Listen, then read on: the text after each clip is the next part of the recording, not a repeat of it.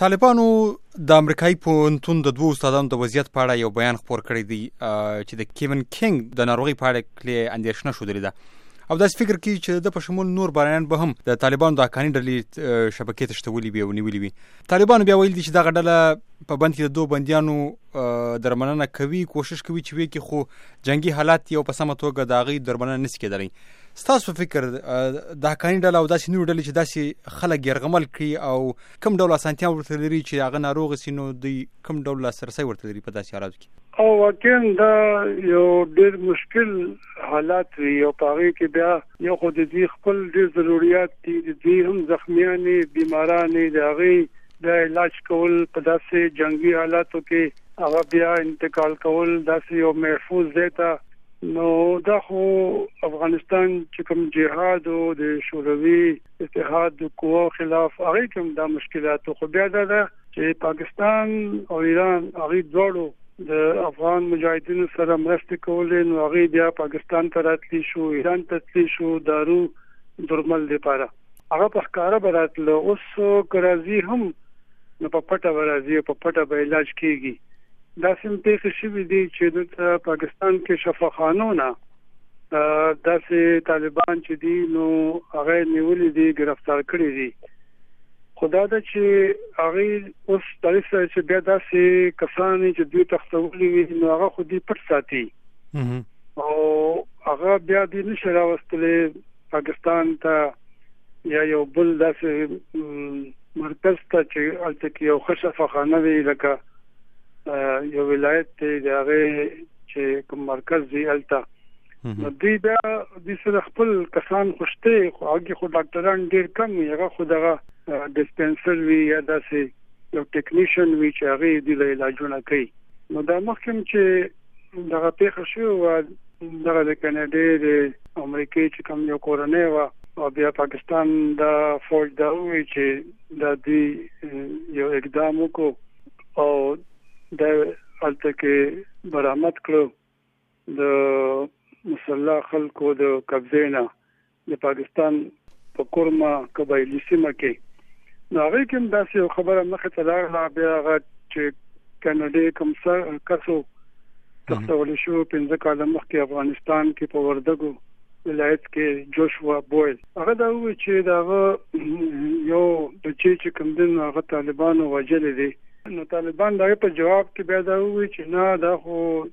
د چې کوم مېرمن باندې د هغه ناروغ و د هغه د یو پیښه راوښه چې بیا د هغه علاج د پر سہولت نو اخر ډیر لري ځکیو او د هغه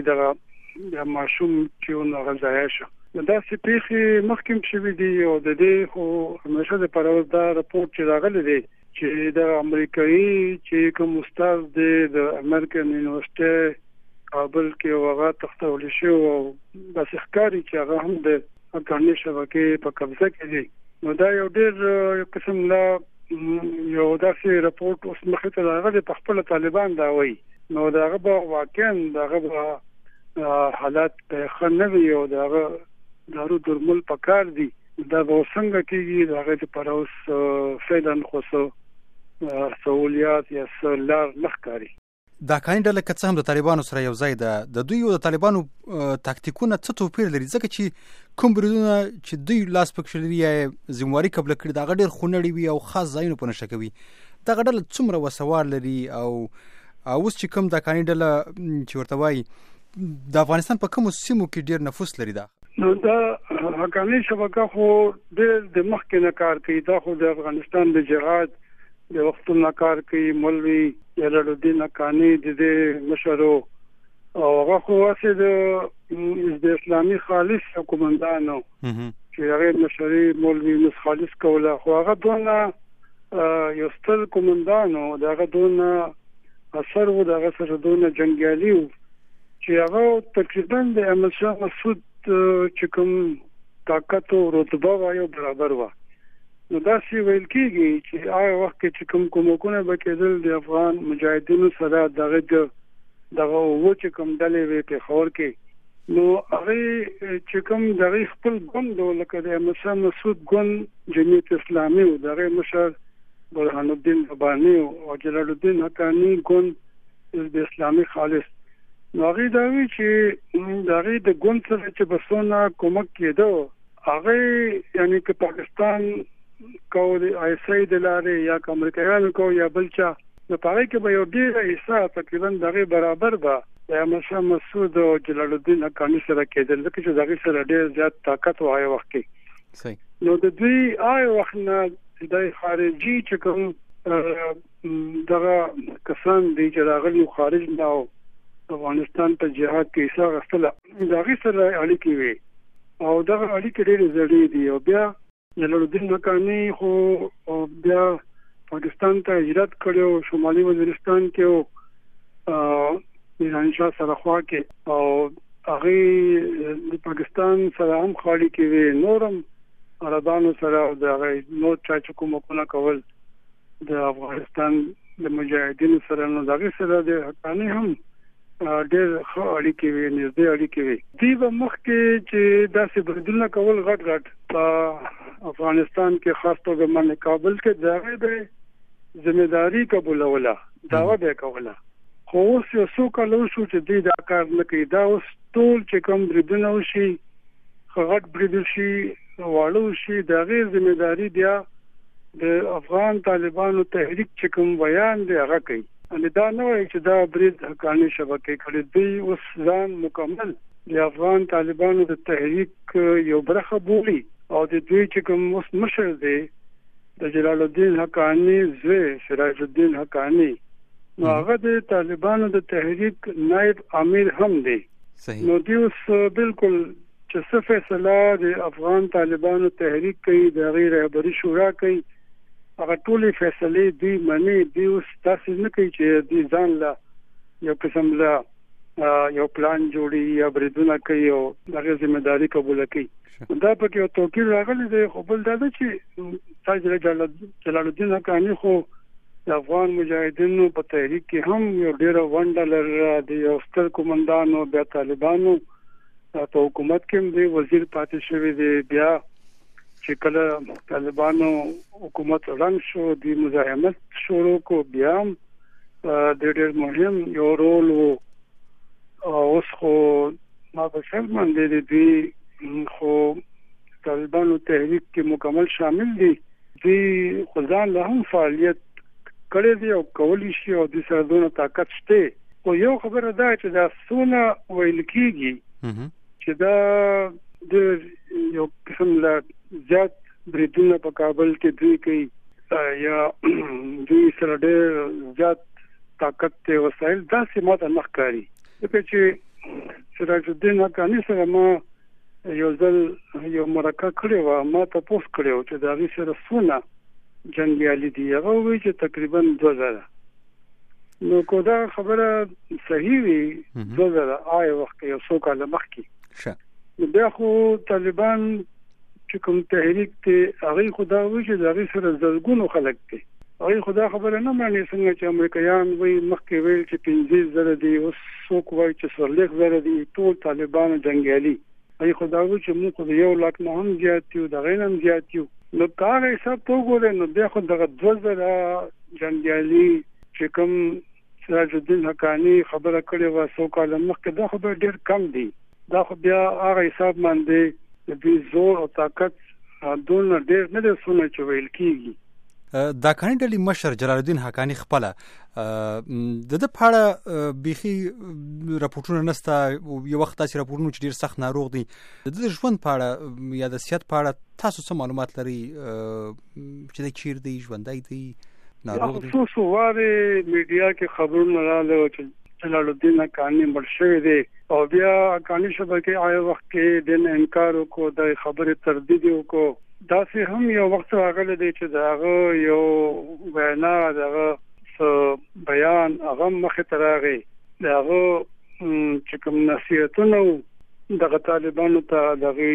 چې څنګه به جنگ کوي او څنګه به چریکي جنگ کوي د په حق لام یو د بیان یو وینا راغلی و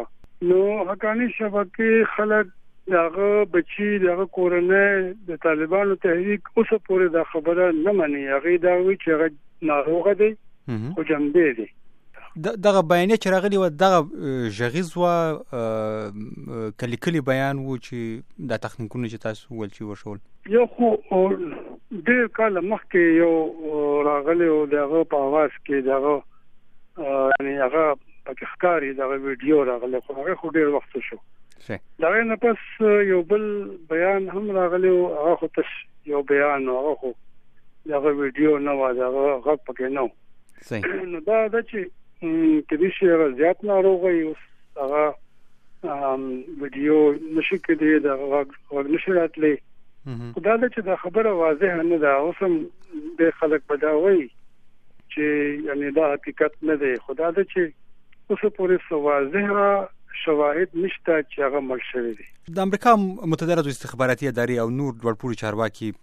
دوی په دې باور دي چې دغه ډله د پاکستان په قبایلي سیمو کې پټن ځایونه لري او هلته د روزنې مرکزونه هم لري